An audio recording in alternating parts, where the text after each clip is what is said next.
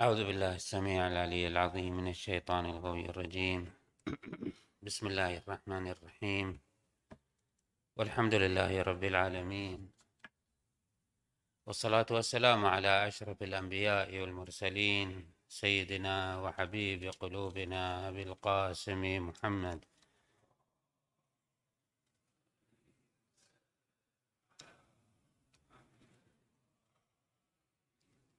وعلى أهل بيته الطيبين الطاهرين المعصومين الميامين. اللهم صل على محمد سيد المرسلين وخاتم النبيين وحجة رب العالمين. المنتجب في الميثاق المصطفى في الظلال المطهر من كل آفة البري من كل عيب المؤمل للنجاة والمرتجى للشفاعة المفوض إليه دين الله. اللهم شرف بنيانه وعظم برهانه وافلج حجته. اللهم ارفع درجته واضع نوره وبيض وجهه واعطه الفضل والفضيلة والمنزلة والدرجة الرفيعة. وابعثه اللهم مقاما محمودا يغبطه به الأولون والآخرون. اللهم صل على محمد وآل محمد الأوصياء الراضين المرضيين. بافضل صلواتك. وبارك عليهم بأفضل بركاتك والسلام عليهم وعلى أرواحهم وعلى أجسادهم ورحمة الله وبركاته. ثم السلام عليكم أيها المؤمنون جميعا ورحمة الله وبركاته. قال عز من قائل في محكم كتابه الكريم بسم الله الرحمن الرحيم. ذلك بأن الله هو الحق. وأن ما تدعون من يدعون من دونه الباطل. وأن ما يدعون من دونه هو الباطل. وأن الله هو العلي الكبير. صدق الله العلي العظيم. الله عز وجل هو الحق. بل هو الحق بمعنى أنه هذا يقولون هذا الضمير ليس أن الله حق. الله هو الحق أي أنه يتفرد بأنه هو حق. كل ما عداه هو باطل. الله جل وعلا حق الله عز وجل نور هداية. الله جل وعلا آه، مطلق المحبة والنور. ومن هنا كل ما في هذا الوجود هو حق. كل ما في هذا العالم كل ما في هذا الكون هو من الله عز وجل. والله حق فلا يصدر من الحق إلى الحق. فكل ما في هذا العالم كل ما في هذا الكون هو نور هداية حق جميل. أيقونات الحق ثلاثة يعني إذا اجتمعت ثلاثة أشياء يتقرر الحق.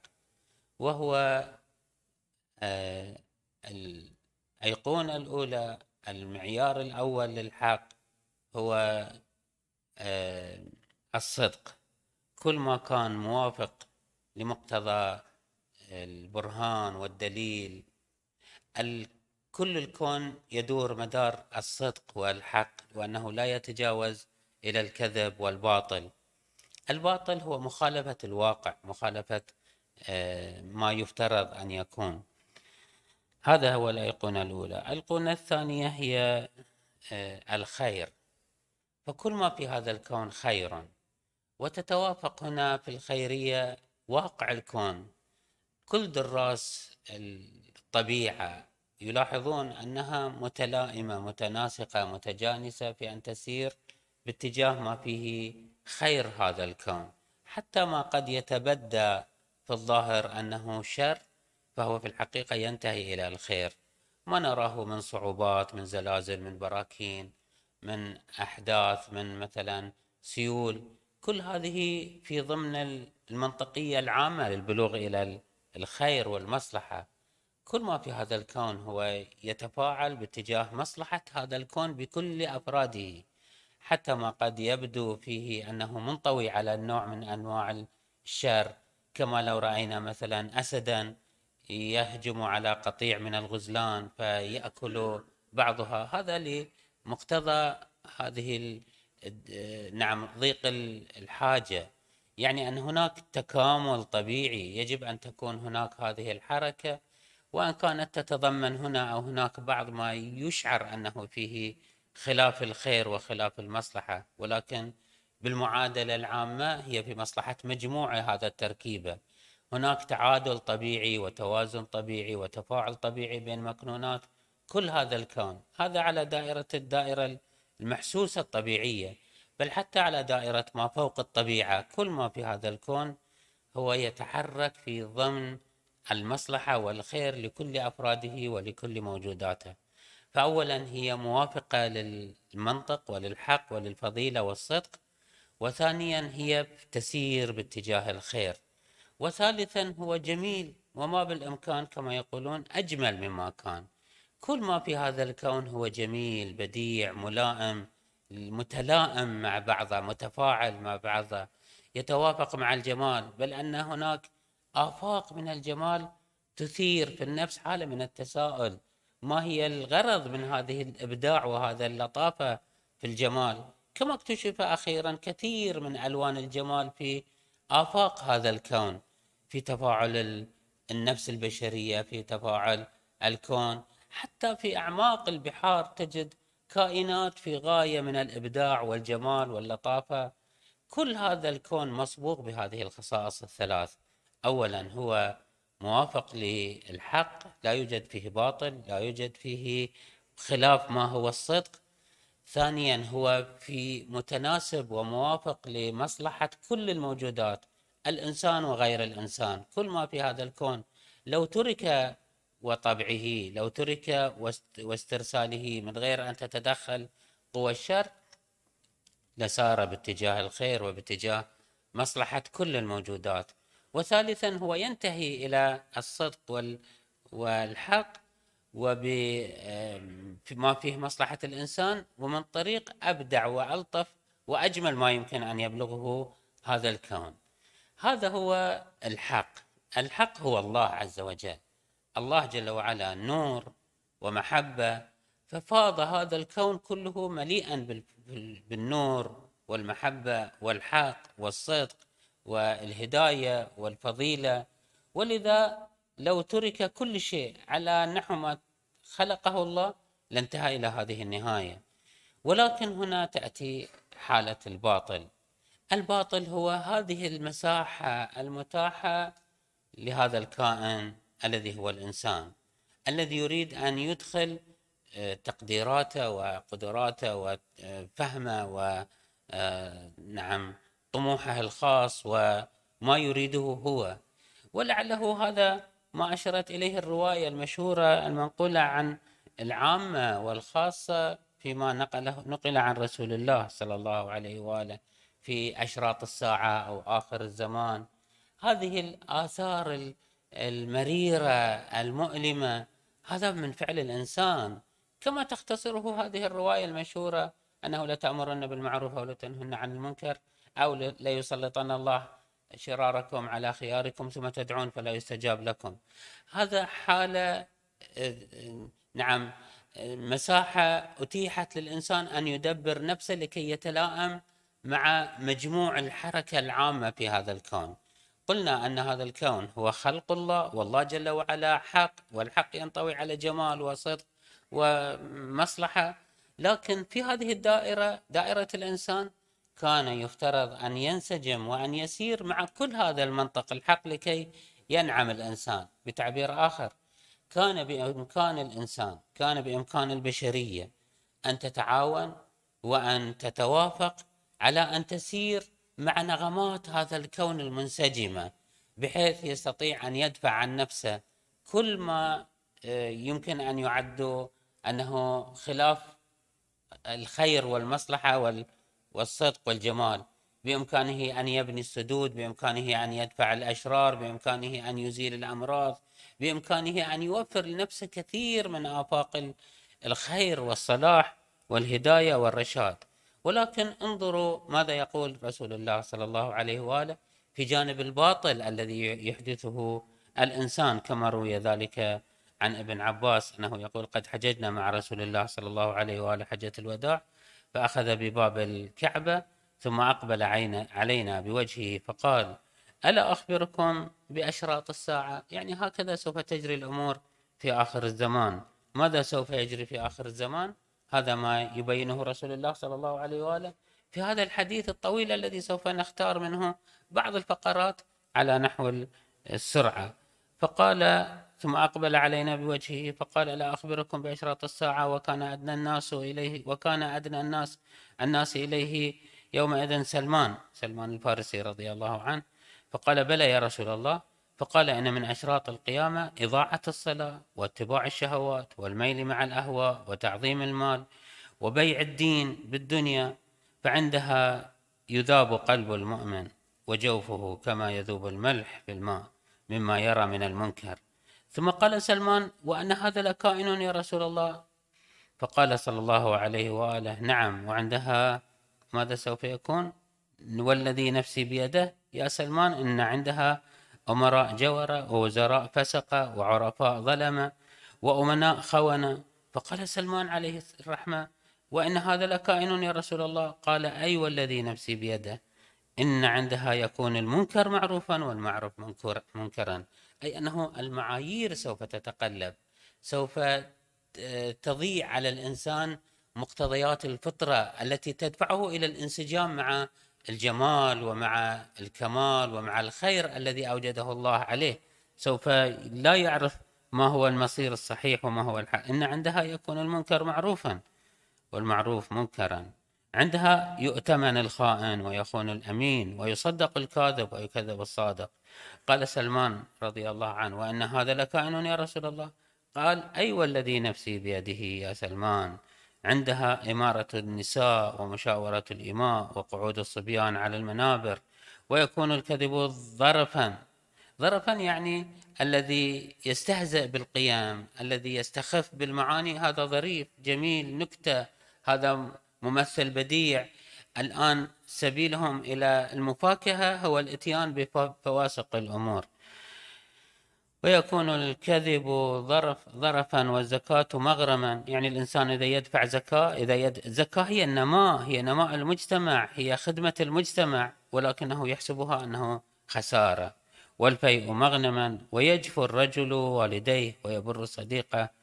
ويطلع الآن ثم يأتي بعض الإمارات الكونية رسول الله صلى الله عليه وآله نتجاوزها. قال سلمان وإن هذا لكائن يا رسول الله. قال أي أيوة والذي بنفسي بيده يا سلمان عندها تشارك المرأة زوجها في التجارة ويكون المطر قيضا ويغيظ الكرام غيظا ويحت ويحت ويحتقر الرجل المعسر. يعني قيمة الإنسان بمقدار ما عنده من مبالغ مالية. أما المعسر الذي لا يملك شيء فهو محتقر. فعندها يقرب الأسواق وإذا قال هذا لم أبع شيئا وقال هذا لم أربح شيئا فلا ترى إلا ذاما لله. ثم يقول صلى الله عليه وآله في نعم آه، يقول عليها أفضل الصلاة والسلام عندها آه، نعم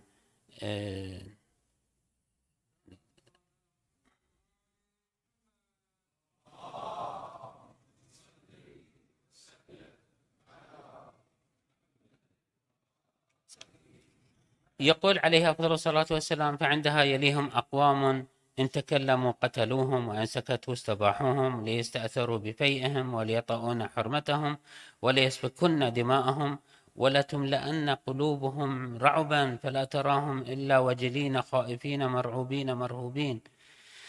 ثم الرواية أيضا تسترسل في توصيف واقع الإنسانية التي تحدثها هي في نفسها التي تج... بينما كان يفترض أن تكون واقع الإنسانية في أنعم حال في أفضل الأحوال. إخواني الكرام لا يسع المقام لإشارة ما تعيشه الإنسانية اليوم من ضلال وتيه ووجع وآلام.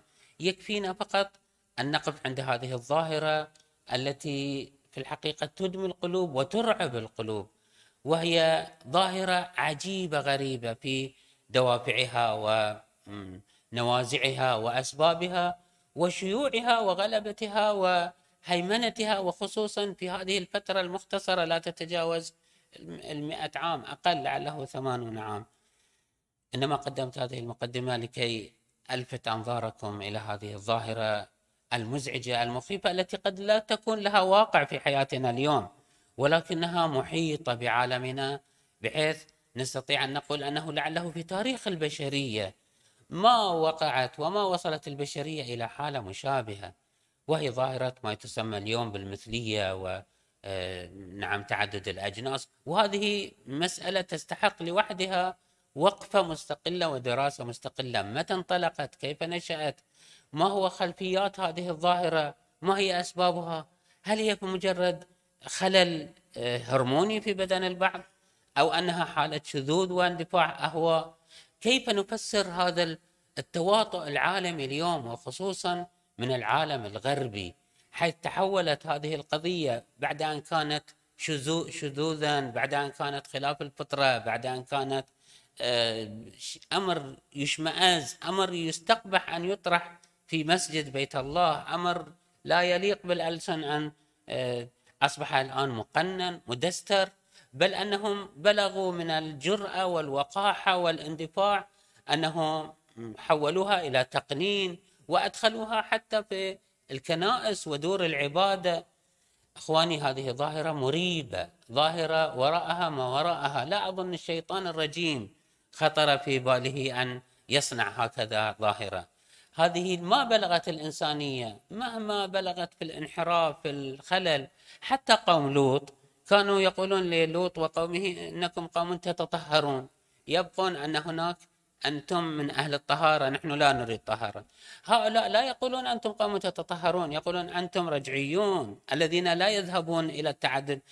ماذا يعني تعدد الجنسية؟ أخواني كما ذكرت لكم الشخص يستحي ويخجل ولا يليق بهذا المقام المقدس أن نشير إلى ما يفعلونه من ليس شذوذا مبالغة في الشذوذ بل أنه أكثر من كنا نسمع أن هناك شيء جلكم الله اسمه لواط. نسمع بشيء اسمه سحاق. الآن أشياء مخلوطة من كل هذه القبائح. تط... الآن لا لا يليق بأن أذكر اصطلاحاتهم والتعد... عندهم ست سبع يقولون هناك سابقا ذكر وأنثى. اليوم ذكر وذكر أنثى وأنثى. وذكر يصلح مع الذكر والأنثى وذكر يصلح لكل. ما أدري ماذا يفصلون من أشكال من جنسيات وأحوال. ثم حولوها إلى مسألة علمية بل كما ذكرت لكم أدخلوها في العالم الديني أيضا بحيث سمعنا اليوم أنه بالكنائس يقومون. هذا ينتهي إلى هذا الواقع البشري المختل هذا الباطل. ولكن كما قالت الآيات الكريمة قل جاء الحق وزهق الباطل. إن الباطل كان زهوقا. هذا لا يتوافق مع رب العالمين مع الحق العظيم مع طبيعة خلقة الله عز وجل لهذا الكون. لا يتفق مع الفطرة لا يتفق حتى مع طبيعة الكون. يعني لو فرضنا أنه جل ربنا وعلا لا يوجد رب ولا حتى توجد فطرة لأنهم يقولون أنتم الذين تقولون بالطهارة أنتم عندكم خلل في فهمكم. الإنسان أوسع دائرة من أن يكون أنثى وذكر. يربون الأطفال في عوالمه الغربية. أنه في الروضات العلمية يقول له أنت لست ذكر ولست أنثى حتى بل في الدوائر الصحية في المستشفيات عندما يولد الطفل يقول لا تسجلونه أنثى أو ذكر. هذا استلاب لحق الإنسان. دعه يكبر حتى يصبح إنسان بالغ يعني 18 سنة. هناك نسأله أنت تريد أن تكون ذكر أو أنثى؟ ونحولك بدني طبيا نستطيع أن نحولك. ثم يقول له وأنت طفل لا تقول لهذه هذه أنتم كلنا أنتم.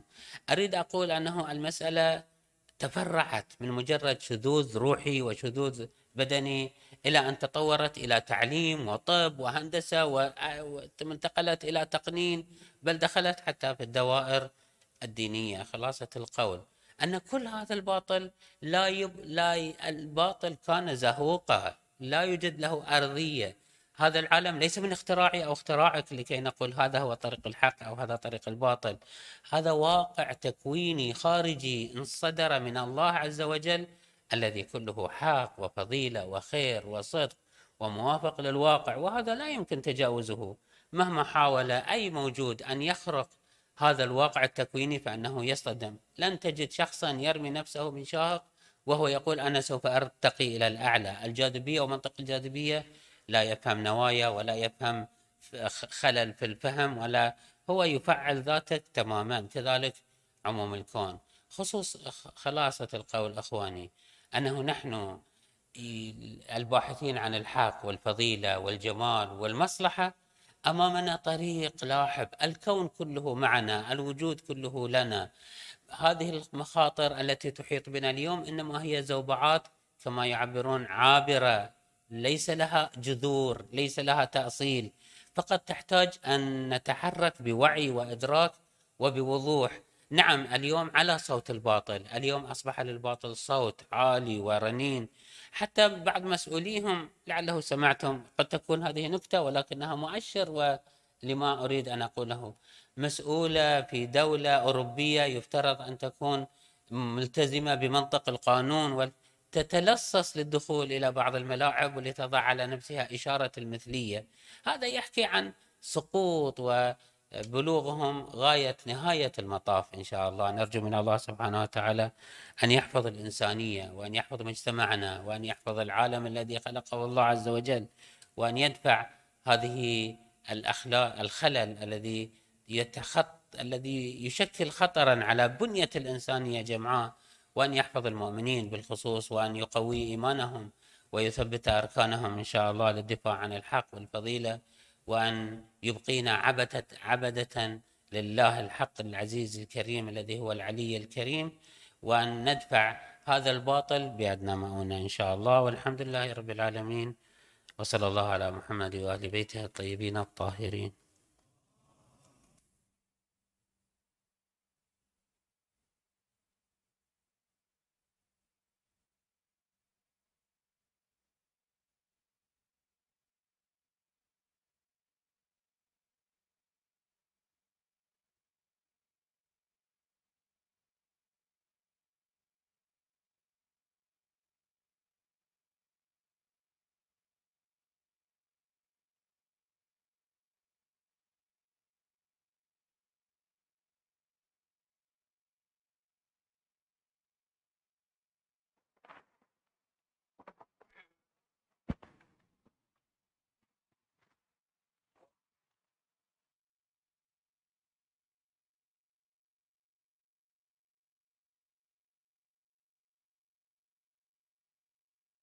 الله أكبر الله أكبر. أشهد أن لا إله إلا الله. أشهد أن لا إله إلا الله. أشهد أن محمد رسول الله. أشهد أن محمد رسول الله. أشهد أن عليا حجة الله. أشهد أن عليا حجة الله. حي على الصلاة حي على الصلاة حي على الفلاح حي على الفلاح. حي على خير العمل حي على خير العمل. قد قامت الصلاة قد قامت الصلاة. الله أكبر الله أكبر. لا إله إلا الله. الله أكبر. بسم الله الرحمن الرحيم.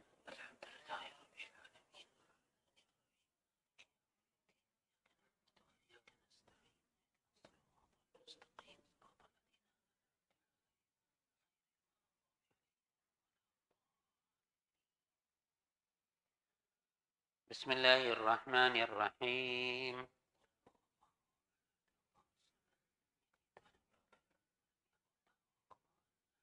الله أكبر. سبحان ربي العظيم وبحمده. سبحان الله سبحان الله سبحان الله. اللهم صل على محمد وآل محمد. سمع الله لمن حمده. الحمد لله رب العالمين. الله أكبر. سبحان ربي الأعلى وبحمده سبحان الله سبحان الله سبحان الله. اللهم صل على محمد وآل محمد. الله أكبر. استغفر الله ربي وأتوب إليه. الله أكبر. سبحان ربي الأعلى وبحمده سبحان الله سبحان الله سبحان الله. اللهم صل على محمد وآل محمد. الله أكبر. بحول الله وقوته يقوم أقعاد بسم الله الرحمن الرحيم.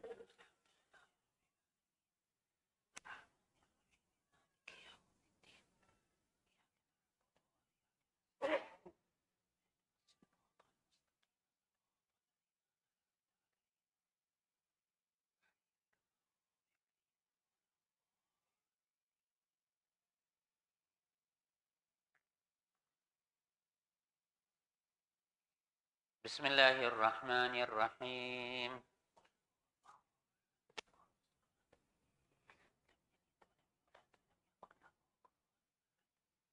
الله أكبر. اللهم صل على محمد وآل محمد. ربنا اغفر لنا ذنوبنا وإسرافنا في أمرنا. وثبت أقدامنا وانصرنا على القوم الكافرين.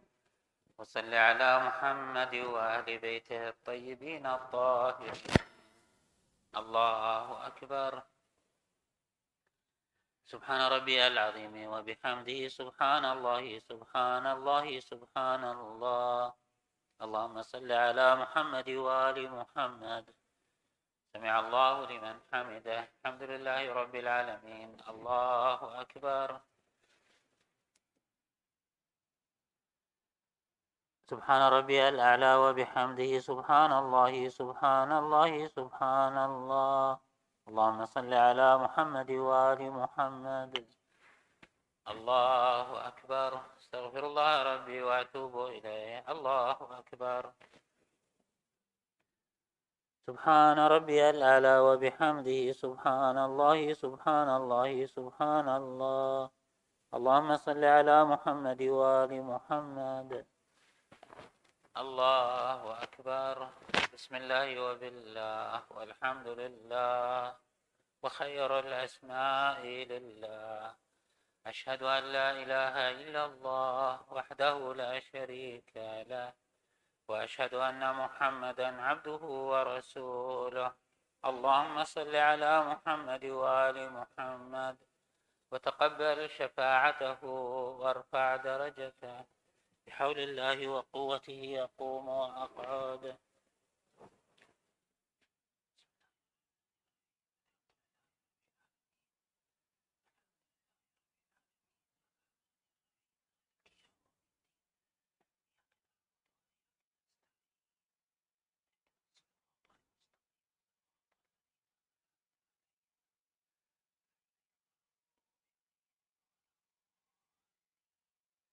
الله أكبر. سبحان ربي العظيم وبحمده سبحان الله سبحان الله سبحان الله. اللهم صل على محمد وآل محمد. سمع الله لمن حمده. الحمد لله رب العالمين. الله أكبر.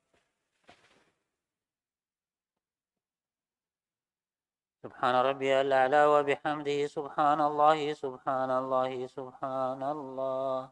اللهم صل على محمد وآل محمد. الله أكبر. استغفر الله ربي وأتوب إليه. الله أكبر. سبحان ربي الأعلى وبحمده سبحان الله سبحان الله سبحان الله. اللهم صل على محمد وآل محمد. الله أكبر. بحول الله وقوته أقوم وأقعد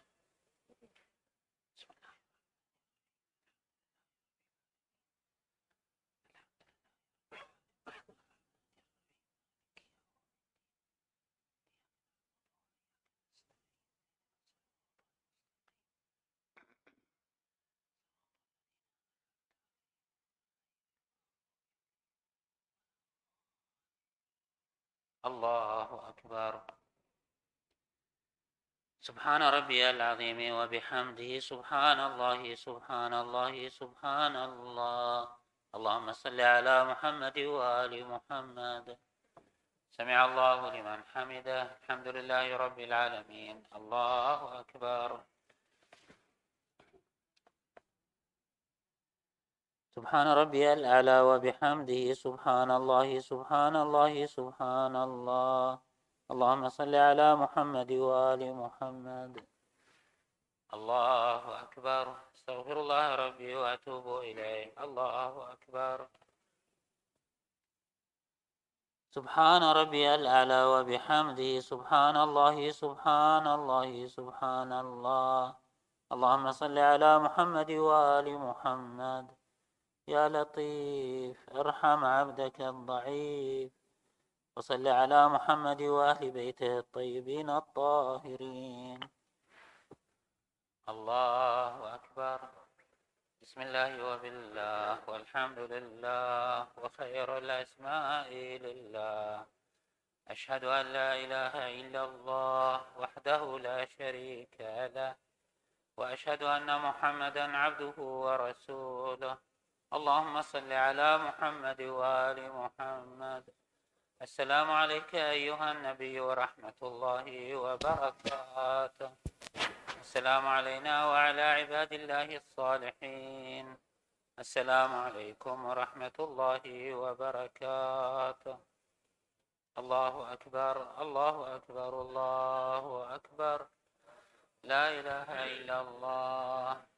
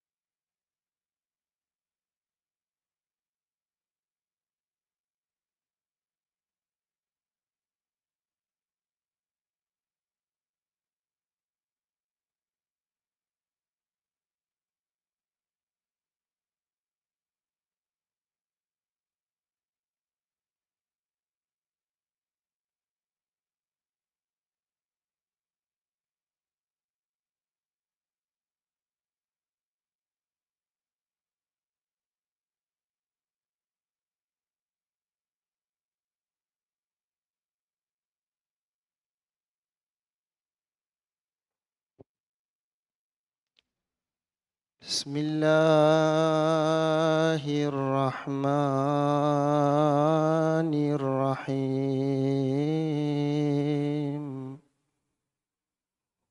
اللهم صل على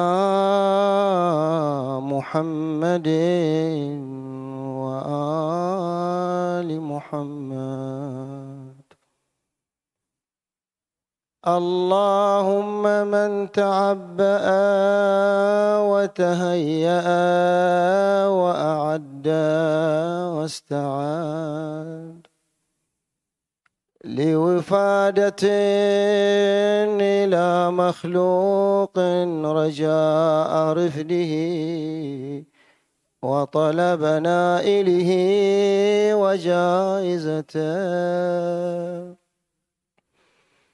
فإليك يا رب تعبيتي واستعدادي. رجاء عفوك وطلب نائلك وجائزتك فلا تخيب دعائي.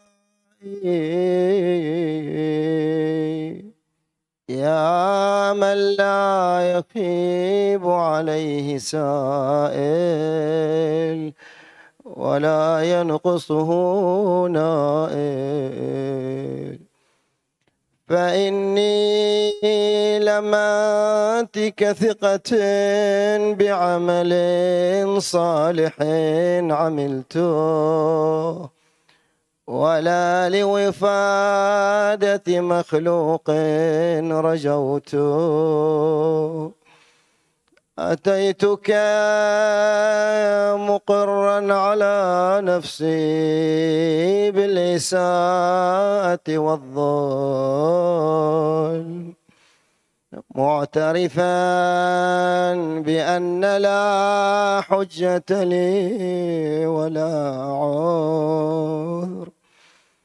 أتيتك أرجو عظيم عفوك الذي عفوت به عن الخاطئين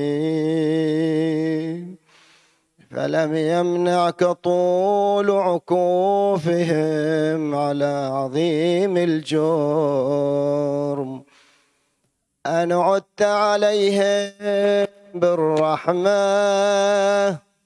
فيا من رحمته واسعة وعفوه عظيم. يا عظيم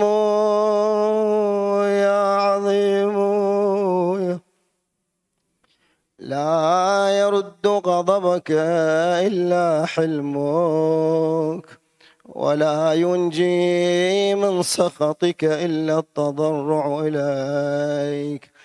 فهب لي يا إلهي فرجا بالقدرة التي تحيي بها ميت البلاد.